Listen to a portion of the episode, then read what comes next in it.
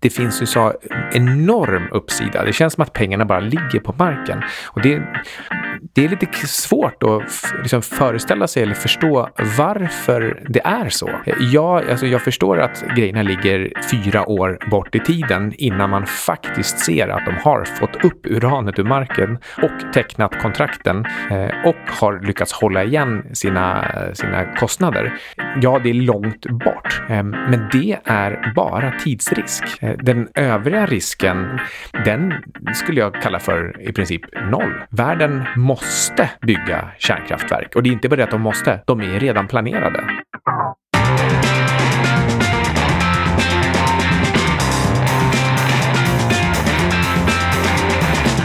Hej! Du lyssnar på 25 minuter med Syding och Sundström. Idag så ska vi prata om eh, uran, Ludvig. Ja, eh, vi ska försöka hitta den mest prisvärda eller bästa uranaktien. Det var ett eh, elavbrott ganska nyligen. Ett ganska rejält elavbrott i södra Sverige. Ja, och då så kan det ju gå om man har instabilt elnät på grund av för mycket förnyelsebara energikällor som sol och vind. Men inte nog med baskraft. Det är viktigt att ha kärnkraft i västvärlden för annars kommer man inte kunna uppnå klimatmålen på ett ekonomiskt hållbart sätt.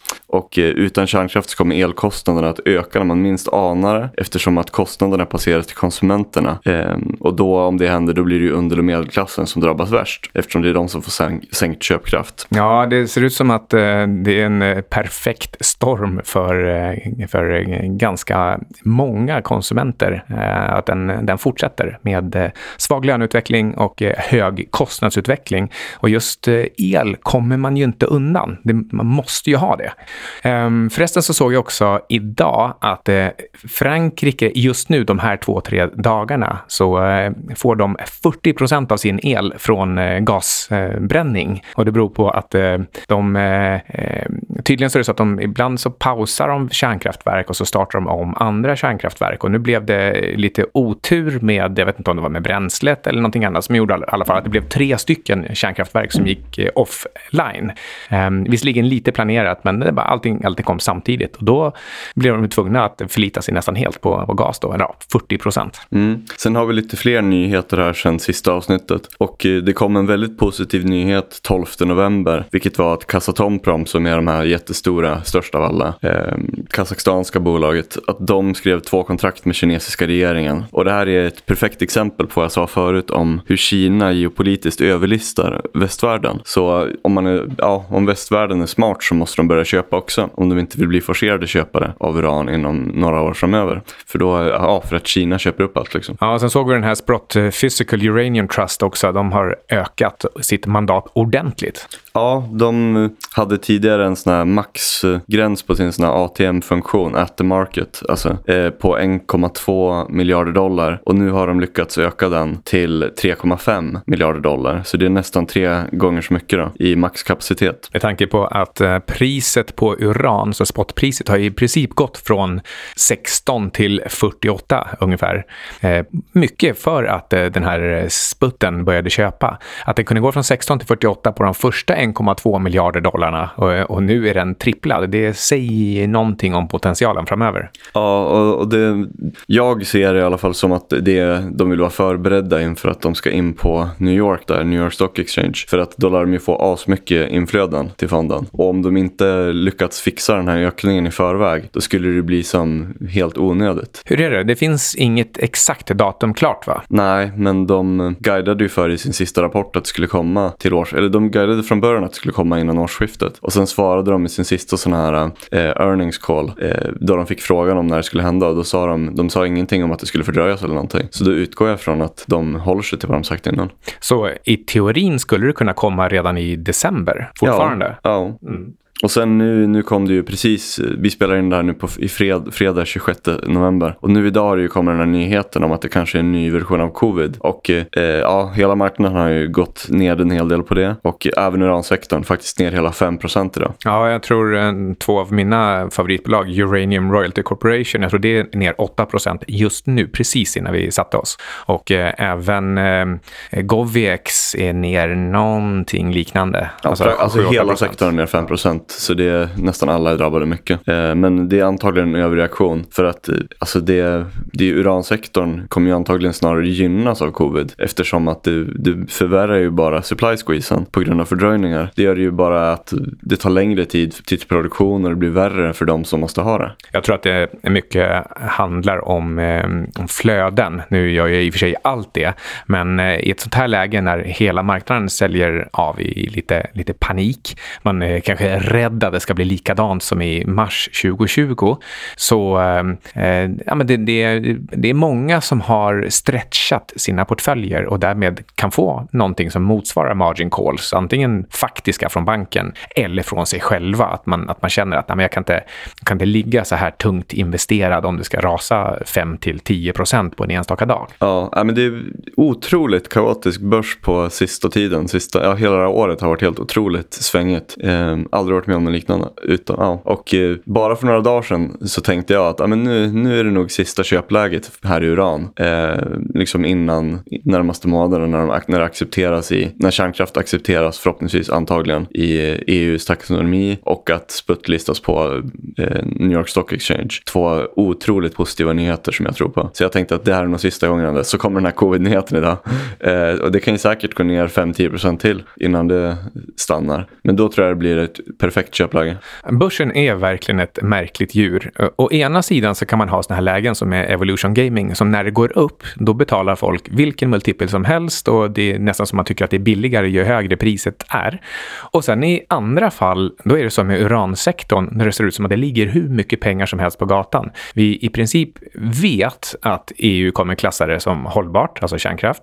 Vi vet att sputten ska noteras och, och vad det då innebär för intresset för, för sektorn eh, och för att inte tala om att sputten nu har fått det här ökade mandatet så de kommer fortsätta köpa uran. Så i princip så vet vi att priset ska fortsätta upp rejält. Och med de här kunskaperna så vet vi att massor av de här mindre listade uranbolagen de kommer bli jättelönsamma och värda många gånger mer än vad de är värda idag. Vi har ju till och med sagt att hela sektorn borde vara värd eh, minst fyra gånger så mycket som, är, som idag. Och eh, trots att alla de här pengarna ligger framme på bordet nästan helt säkert så blir det ändå flödesstyrt så att, så att kurserna kan gå ner i det här som är jättebilligt. Det, det påminner lite grann om hur det är i själva kärnkraftssektorn där kärnkraft, eh, alltså de som driver själva kärnkraften, mm. de vet att de ska köpa uran och de vet att det kommer bli dyrare sen. Alltså, I princip så vet de ju de här sakerna. Ändå så köper de inte på grund av lite ibland regulatoriska krav eller lagerfrågor. Så eh, de, de, väntar hellre på att det, att det blir dyrt sen. Ja, det, det, återigen, även för dem är det ju pengar som ligger på gatan som man struntar i. För att det är som att allting hamnar just in time. Ja, det är, ja det, jag har inte så mycket att säga om det. Det är bara väldigt konstigt. Eh, det är det. Eh, om vi sen går vidare till eh, kärnan av dagens avsnitt, vilket är att eh, värdera uranaktier och att hur man ska tänka då. Och då, då tycker jag att det till att börja med så är det väldigt viktigt när man tänker sig framåt närmast. Man ska, nå, man ska ha en tidshorisont på typ 3 till 5 år. Det är mest rimligt för de flesta bolagen. Eh, dels för att det är ungefär så lång tid det kommer ta för många att eh, kunna få uran. Lite mer än fem år för vissa. Och eh, även för att eh, det kommer antagligen ta ungefär så lång tid innan kontraktcykeln är avslutad. Så det är viktigt att ha i åtanke. Och eh, då ska man tänka sig olika prisscenarion. Och då är det tre stycken olika nivåer här som jag tänker på och som jag har också räknat på. Och det är mellan ungefär intervallet av 65 till 100 dollar per pound. Då. Eh, och i andra hand mellan ungefär 100 och 150 per pound. Och sen ett superoptimistiskt scenario över 150. Kanske hela vägen upp till 400. Sen eh, en, en andra sak som också är väldigt viktig att tänka på. Det är när det kommer till de här olika framtida scenarion. Det är så här capex och opex, alltså capital expenditure och operating expenditure. Eh, vad, vad investeringskostnaderna för att starta de här gruvorna kommer vara och vad det kommer kosta att driva dem, alltså operating expenditure. Och då alla de här kostnaderna, speciellt operating expenditures, kommer ju stiga om det finns existerande sådana här äh, PAs, preliminary studies liksom, eller liknande som ska uppdateras innan de får bygga gruvan. För, och, och de är gamla liksom för att nu dels har det varit mycket inflation och sen så är det det här med covid och fördröjda supply chains och sånt där. Så det kan bli fördröjt men också att det, är, det kommer bli högre priser på typ allting och då är det frågan hur mycket högre priser man vågar lägga på det i förhållande till när gruvan ska byggas. Ska man lägga på 20 20 50 Hur mycket ska man våga lägga till liksom? Och då har jag i alla mina sådana här eh, analyser lagt till 50% vilket jag tror är rätt konservativt. Ja, det är, även om man inte vet någonting så är det en smart gissning och det där har jag sett i eh, guldbranschen förut, alltså inte minst under den här riktiga superhåsen 2010-2011. Då, då drog alla kostnader i taket och det är för att då är det flera gruvor samtidigt som börjar slåss om personal och utrustning. Eh, sen, eh, sen är ju det det som i sin tur leder till en krasch för sektorn när, när eller om priserna kommer ner från toppen, för då är det många som har investerat sönder sig på för höga, höga priser. Men det är, det är någonting som vi får titta på eh, mot slutet av 20-talet. Ja, eh, man, man kan tänka på lite fler saker i de här olika prisscenarierna också, men eh, jag, tror, jag tror det räcker med att säga bara att eh, det, som, som jag var inne på förut, att det är vissa bolag som kommer med väldigt hög säkerhet kommer kunna producera under den här cykeln. Och då är det frågan hur lång man tror den här cykeln kommer bli. Om man tror att det här, eh, den här bristen av uran, att den ska hålla sig mer än fem eller tio år. Vilket det, det, det är nog ganska troligt, men man vet ju inte. Eh, och det kommer ju bero på. Men eh, beroende på vad marknaden kommer tro om till exempel, om vi tänker oss att vi är två år fram i tiden, kommer då marknaden att, att ha som common knowledge och tänka att det är bara de här olika bolagen som kommer kunna producera. Därför ska de bli mycket, mycket högre värderade eller få ett premium jämfört med massa andra, typ explorers eller developers som inte kommer kunna producera den här cykeln. Så var det förra gången ungefärligt. Förra gången, men jag tror, jag tror det kommer skilja den här gången, men vi får se. Okej, okay. jag, jag, tycker att det ser väldigt svårt ut att kunna eh, hitta nya fyndigheter och få igång de gruvorna under 20-talet. Utan det blir i princip de bolag som vi redan har identifierat och som har fyndigheter och att åtminstone preliminära studier, det är de som hinner komma online de kommande fem till tio åren. Alltså det är ju, det är till och med till exempel ett sånt som, som Goviex som har kommit rätt så långt. De räknar ju inte ens själva med att börja producera uran förrän första kvartalet 2025. Och, och de är en av dem som ligger absolut längst fram. Av, av de lite större gruvorna i alla fall, alltså som, som kan producera ett par miljoner pund per, per år. Så eh, eh om, om någon ska hinna hitta och få fram några större mängder mellan 2025 och 2030, då får de ju verkligen skynda på nu och presentera sig. Ja, eh, precis. Vi, vi, får helt enkelt följa och se det där. Men antagligen är det nog så. Men, men det som kan hända, det är förstås en annan typ av teknisk utveckling och att man kan återanvända material och man kan eh, blanda och mixa um, och, och, på, och liksom göra saker och ting effektivare. Det, det, det, kan ge en effekt under den här tioårsperioden, men, men däremot så kan man, tror jag, helt glömma saker som torium eller fjärde generationens reaktorer. Det är någonting kanske för slutet på 30-talet innan det börjar bli eh, i tillräckliga volymer för att påverka någonting. Mm. Eh, sen, sen om vi går tillbaka till det här med de här olika prisscenarierna, eh, då, då kan man säga så här lite kort att eh, i ett konservativt scenario på 65 dollar per pound, alltså det är ju helt sjukt konservativt. Det är exakt nog bara för att få igång gruvorna, men då, det kommer inte hända, för då, får, då tjänar ingen pengar. Eller då, då är det bara ett fåtal gruvor som, som tjänar pengar. Men givet att bristen kommer vara i många år så kommer man vilja ha upp gruvor. Så jag tror 65 är verkligen underkant eh, två till tre års sikt. Eh, men om man, om man skulle räkna med det, då är, då är de flesta större bolagen redan fullvärderade. Om man å andra sidan tänker ett mellanscenario runt 85 till 100 dollar per pound samt också eh, ganska stort ökande produktionskostnader, alltså operating expenditures på grund av inflation. Även om man gör det med 85 till 100 då finns det fortfarande en väldigt stor uppsida för alla de större fyndigheterna. Och sen i ett optimistiskt scenario på över 100 dollar per pound, eh, mellan 100 och 200 liksom, då, då, då går alla upp hur mycket som helst. Och eh, även om man räknar med extremt stora inflationssiffror. Eh, alla de största fyndigheterna kommer, tjäna, alltså, de kommer gå upp 30-100 gånger. För att sätta det lite i perspektiv då, så priset nu är alltså ungefär 45 eh, och på ungefär 65 som du pratade om som det extremt konservativa scenariot, då, då är alltså inte ens alla gruvor som redan finns nu, inte ens då är alla de lönsamma. Så än mycket mindre blir det intressant att eh, startar nya projekt. För att, för att vilja starta ett nytt projekt, då måste du ju se att du har långsiktigt höga priser och en god marginal. Vem ska annars ösa in massa pengar i, i den typen av sektorn och sen vänta i fem, tio år innan, innan man kommer online med gruvan? Så, och, och det tar oss till det här scenariot på 85 till 100 som alltså är ungefär dubbla dagens eh, priser. Det är ju egentligen bara eh, den nivån som gör de flesta gruvor idag som finns redan lönsamma och plus lite inflation. Eh, särskilt med tanke på att det, det kan bli, som bli lite, lite boom och extra höga produktionskostnader. Så det där 85 till 100, alltså upp 100 procent från idag, det, det är egentligen bara det priset som rationellt sett borde vara redan idag för att bara få ut marginalgruvan. Nej, precis. Att det, det är de prisscenarierna, det är det konservativa och det mellanscenariot. Ja, nej, men jag, jag, tror på ett base case på 85 dollar per pound uh, inom tre år. Och sen uh, antagligen tror jag mycket högre, förhoppningsvis upp till 150. Men 85, det, det tycker jag är konservativt och det tror jag på. I kontraktpriser då till, till inom ett tre år. Och uh, om man bara snabbt nämner några bolag här så tror jag att Nexien, det är de som ser bäst och säkrast ut av alla uranbolag. så länge man har priser över 85 dollar. Och eh, de kanske inte kommer gå upp, eh, och också 50% högre kostnader. De kanske inte kommer gå upp mest av alla, men de, sett till risk-reward så är de de bästa av alla tror jag. För de har en så himla stor gruva, störst av alla på 21,5 miljoner pund, eller pounds då, eh, per år i produktion. Överlägset störst. Så den gruvan måste byggas.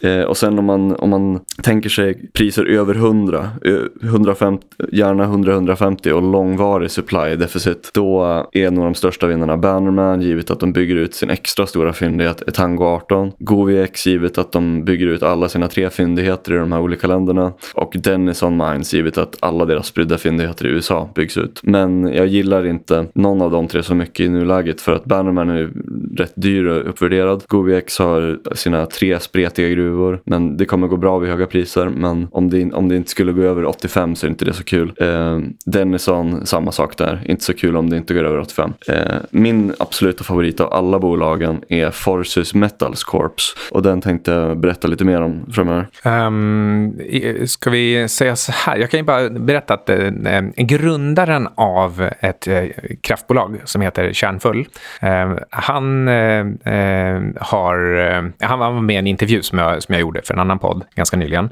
Och i den så pratade han om just den här EU-taxonomin, alltså EUs klassificering av vad som är hållbart. Och läget där är att eh, han då, John Alberg, han tror att det redan innan årsskiftet, och det är alltså bara en månad kvar när vi spelar in det här, eh, innan årsskiftet så kommer det komma ett beslut och ett besked från EU om att nu klassas kärnkraft som hållbar. Um, och, och, och, det här har då stöd i direkta dokument på EUs eh, hemsida där det, det står att ja, men vår interna eh, tekniska avdelning, den har eh, konsult konsultavdelning, den har skrivit en, en rapport som säger att kärnkraft är ofarligt, för det är liksom den sista pusselbiten, det är den som saknas. Sen har de låtit två andra oberoende institut dubbelkolla rapporten och de har kommit tillbaka och avlagt rapport eh, nu i höst och sagt eh, ja, vi håller med, eh, kärnkraft är ofarligt. Och eh, EU skriver också i klartext på sin hemsida att eh, det är de här tre rapporterna som ligger till grund för beslutet. Så eh, det är alltså i princip 100% säkert att eh, beslutet kommer väldigt snart och beslutet kommer helt enkelt bara inkludera att kärnkraft är numera klassat som hållbart. Och det gör att eh, det blir mycket, mycket lättare att få investeringar till, eh, till sektorn. Mm. Så det, det, det kommer nog alla aktier gå upp väldigt mycket på, eh, till och med att det händer. Eh, ska vi gå igenom eh, din syn på Forces? Ja, eh, om man börjar med översikten, så här, vad är caset liksom? Det är att de har en fullt licensierad gruva med tillgång till all infrastruktur man kan behöva. Och det ligger i Namibien som är den bästa lagstiftningen i världen. Det är ett land i Afrika.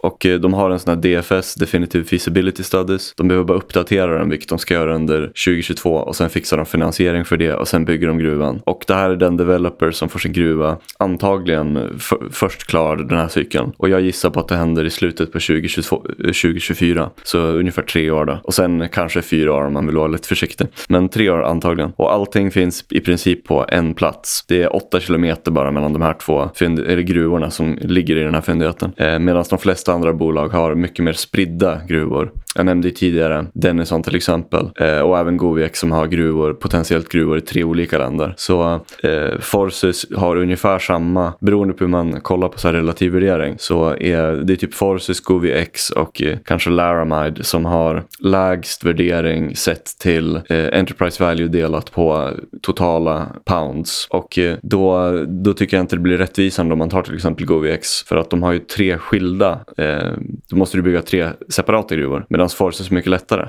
Då tycker jag de borde ha nästan en simplicitetspremium för att de har så mycket på ett och samma ställe. Och det, det är absolut inte inprisat i den aktien. Inte på något sätt. Det verkar inte heller vara inprisat att de ska vara snabba, att de har allt på gång. Det verkar som att bolaget är helt förbisett typ. vilket antagligen beror på att eh, de inte uppdaterade sin Investor Presentation för, eh, för en typ en, må en och en halv månad sedan, eller en månad sedan och det är många som missat det. Och innan dess hade de inte uppdaterat varken hemsidan eller Investor Presentation på typ fem år. Så det är väldigt många som tänkt att de är så här helt, så här, vad gör de? De gör ingenting. De, de, så de är typ bortglömda. Eh, men nu, nu är de på gång igen och eh, det ser bra ut. Eh, och de, de har en väldigt stor fyndighet då. De kommer bygga den tredje största gruvan av alla. Eh, de, de har en årlig produktion på 5,2 miljoner pounds och det är bara Denison och Nexian som har större gruva. Och gruvan håller i 15 år. Potentiellt kan den eh, komma upp till 6 år till om de lyckas hitta extra med exploration upside. Eh, och det kostar Kostar ungefär 433 miljoner dollar att köpa den, eh, alltså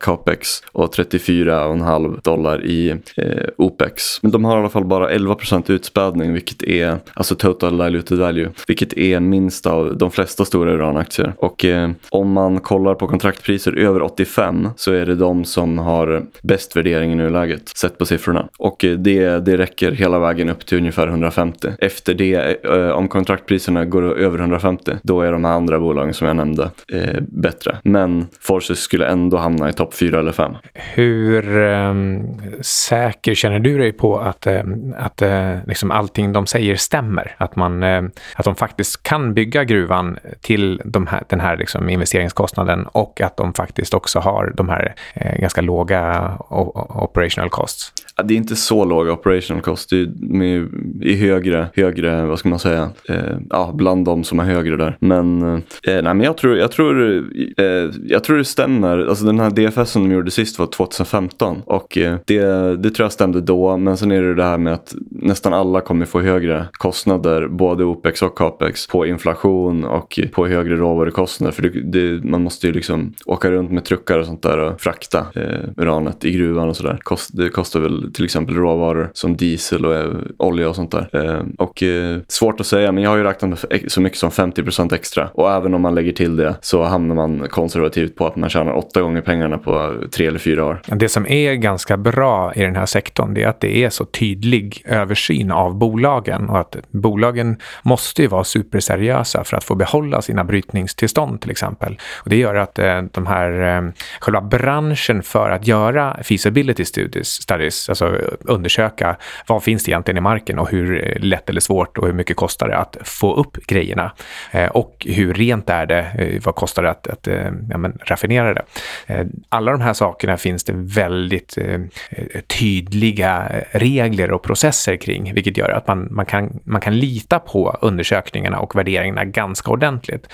Ehm, åtminstone om man, om man tittar på själva grundsiffrorna, vad man utgår ifrån, alltså hur, vad har man för diskonteringsfaktor till exempel när man gör, gör en, en, en economic, alltså en, en en, en förstudie på det ekonomiska värdet. Ehm, så det, är en skillnad att göra, det är en sak att göra de här feasibility studies på hur mycket kan man få upp och hur fort och hur rent är det. Och en annan är eh, vad kostar det och eh, hur ska vi diskontera eh, life of mine-produktionen. Så det gäller liksom, ja, hålla isär om det lite grann, men, men på det hela taget så kan man vara ganska säker i alla fall på att studierna stämmer. Ja, och då, här, den här var gjord 2015 sist och så ska de göra en ny framöver och den blir ju helt klart klar någon gång 20 2022. Jag gissar Q1, kanske Q2 2022. Sen efter det borde det inte dröja så lång tid innan de fixar finansiering för att börja bygga gruvan. Och det borde väl ta ungefär två till tre år att bygga gruvan. Eh, så antagligen sker en uppvärdering i, i aktiekursen. Alltså det kommer ju vara flera triggers där. I, I takt med att varje sån här händelse inträffar så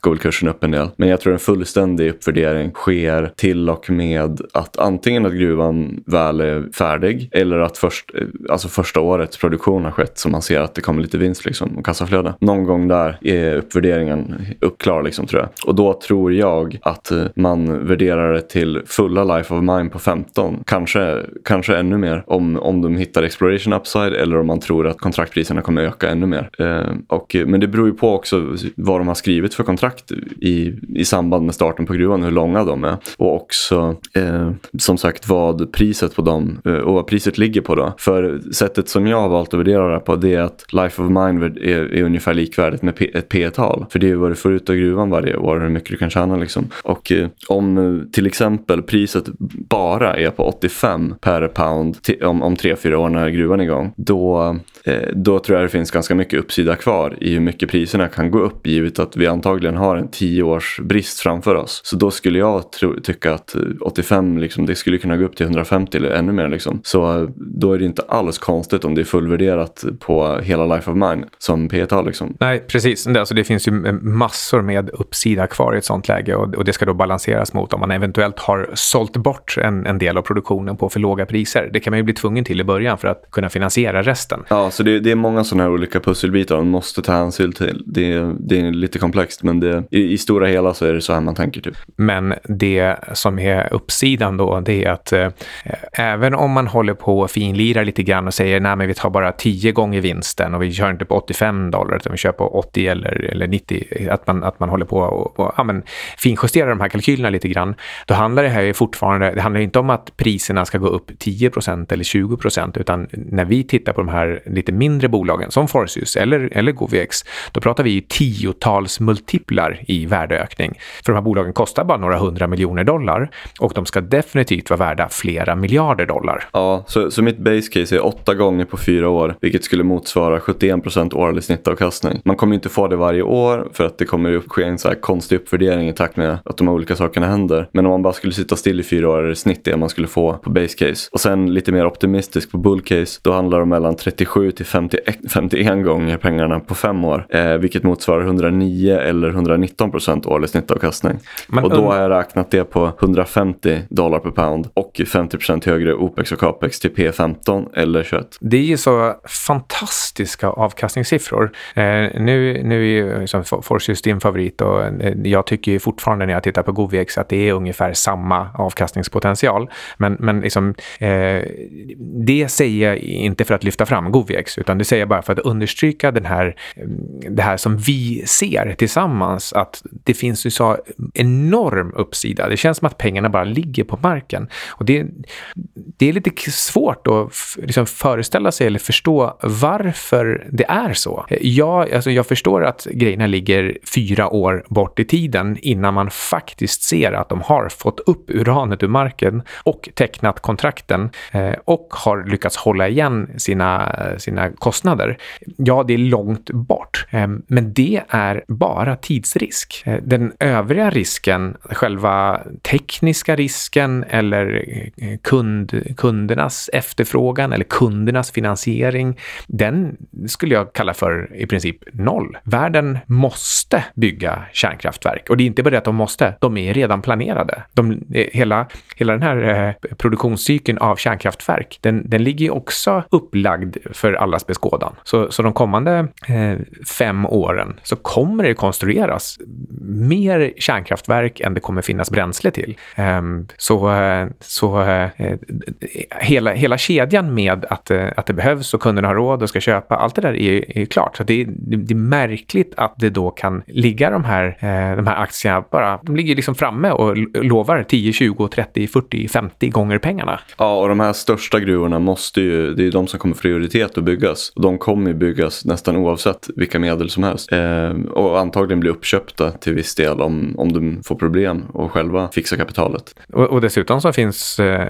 finns ju en, en mall från ganska nyligen, alltså eh, tio år sedan ungefär, på hur, eller 10-15 år snarare, på hur priset går och hur sektorn beter sig när den väl drar. Det finns ju också en mall i form av hur guldsektorn och guldpriset gick mellan 2000 och, och 2010.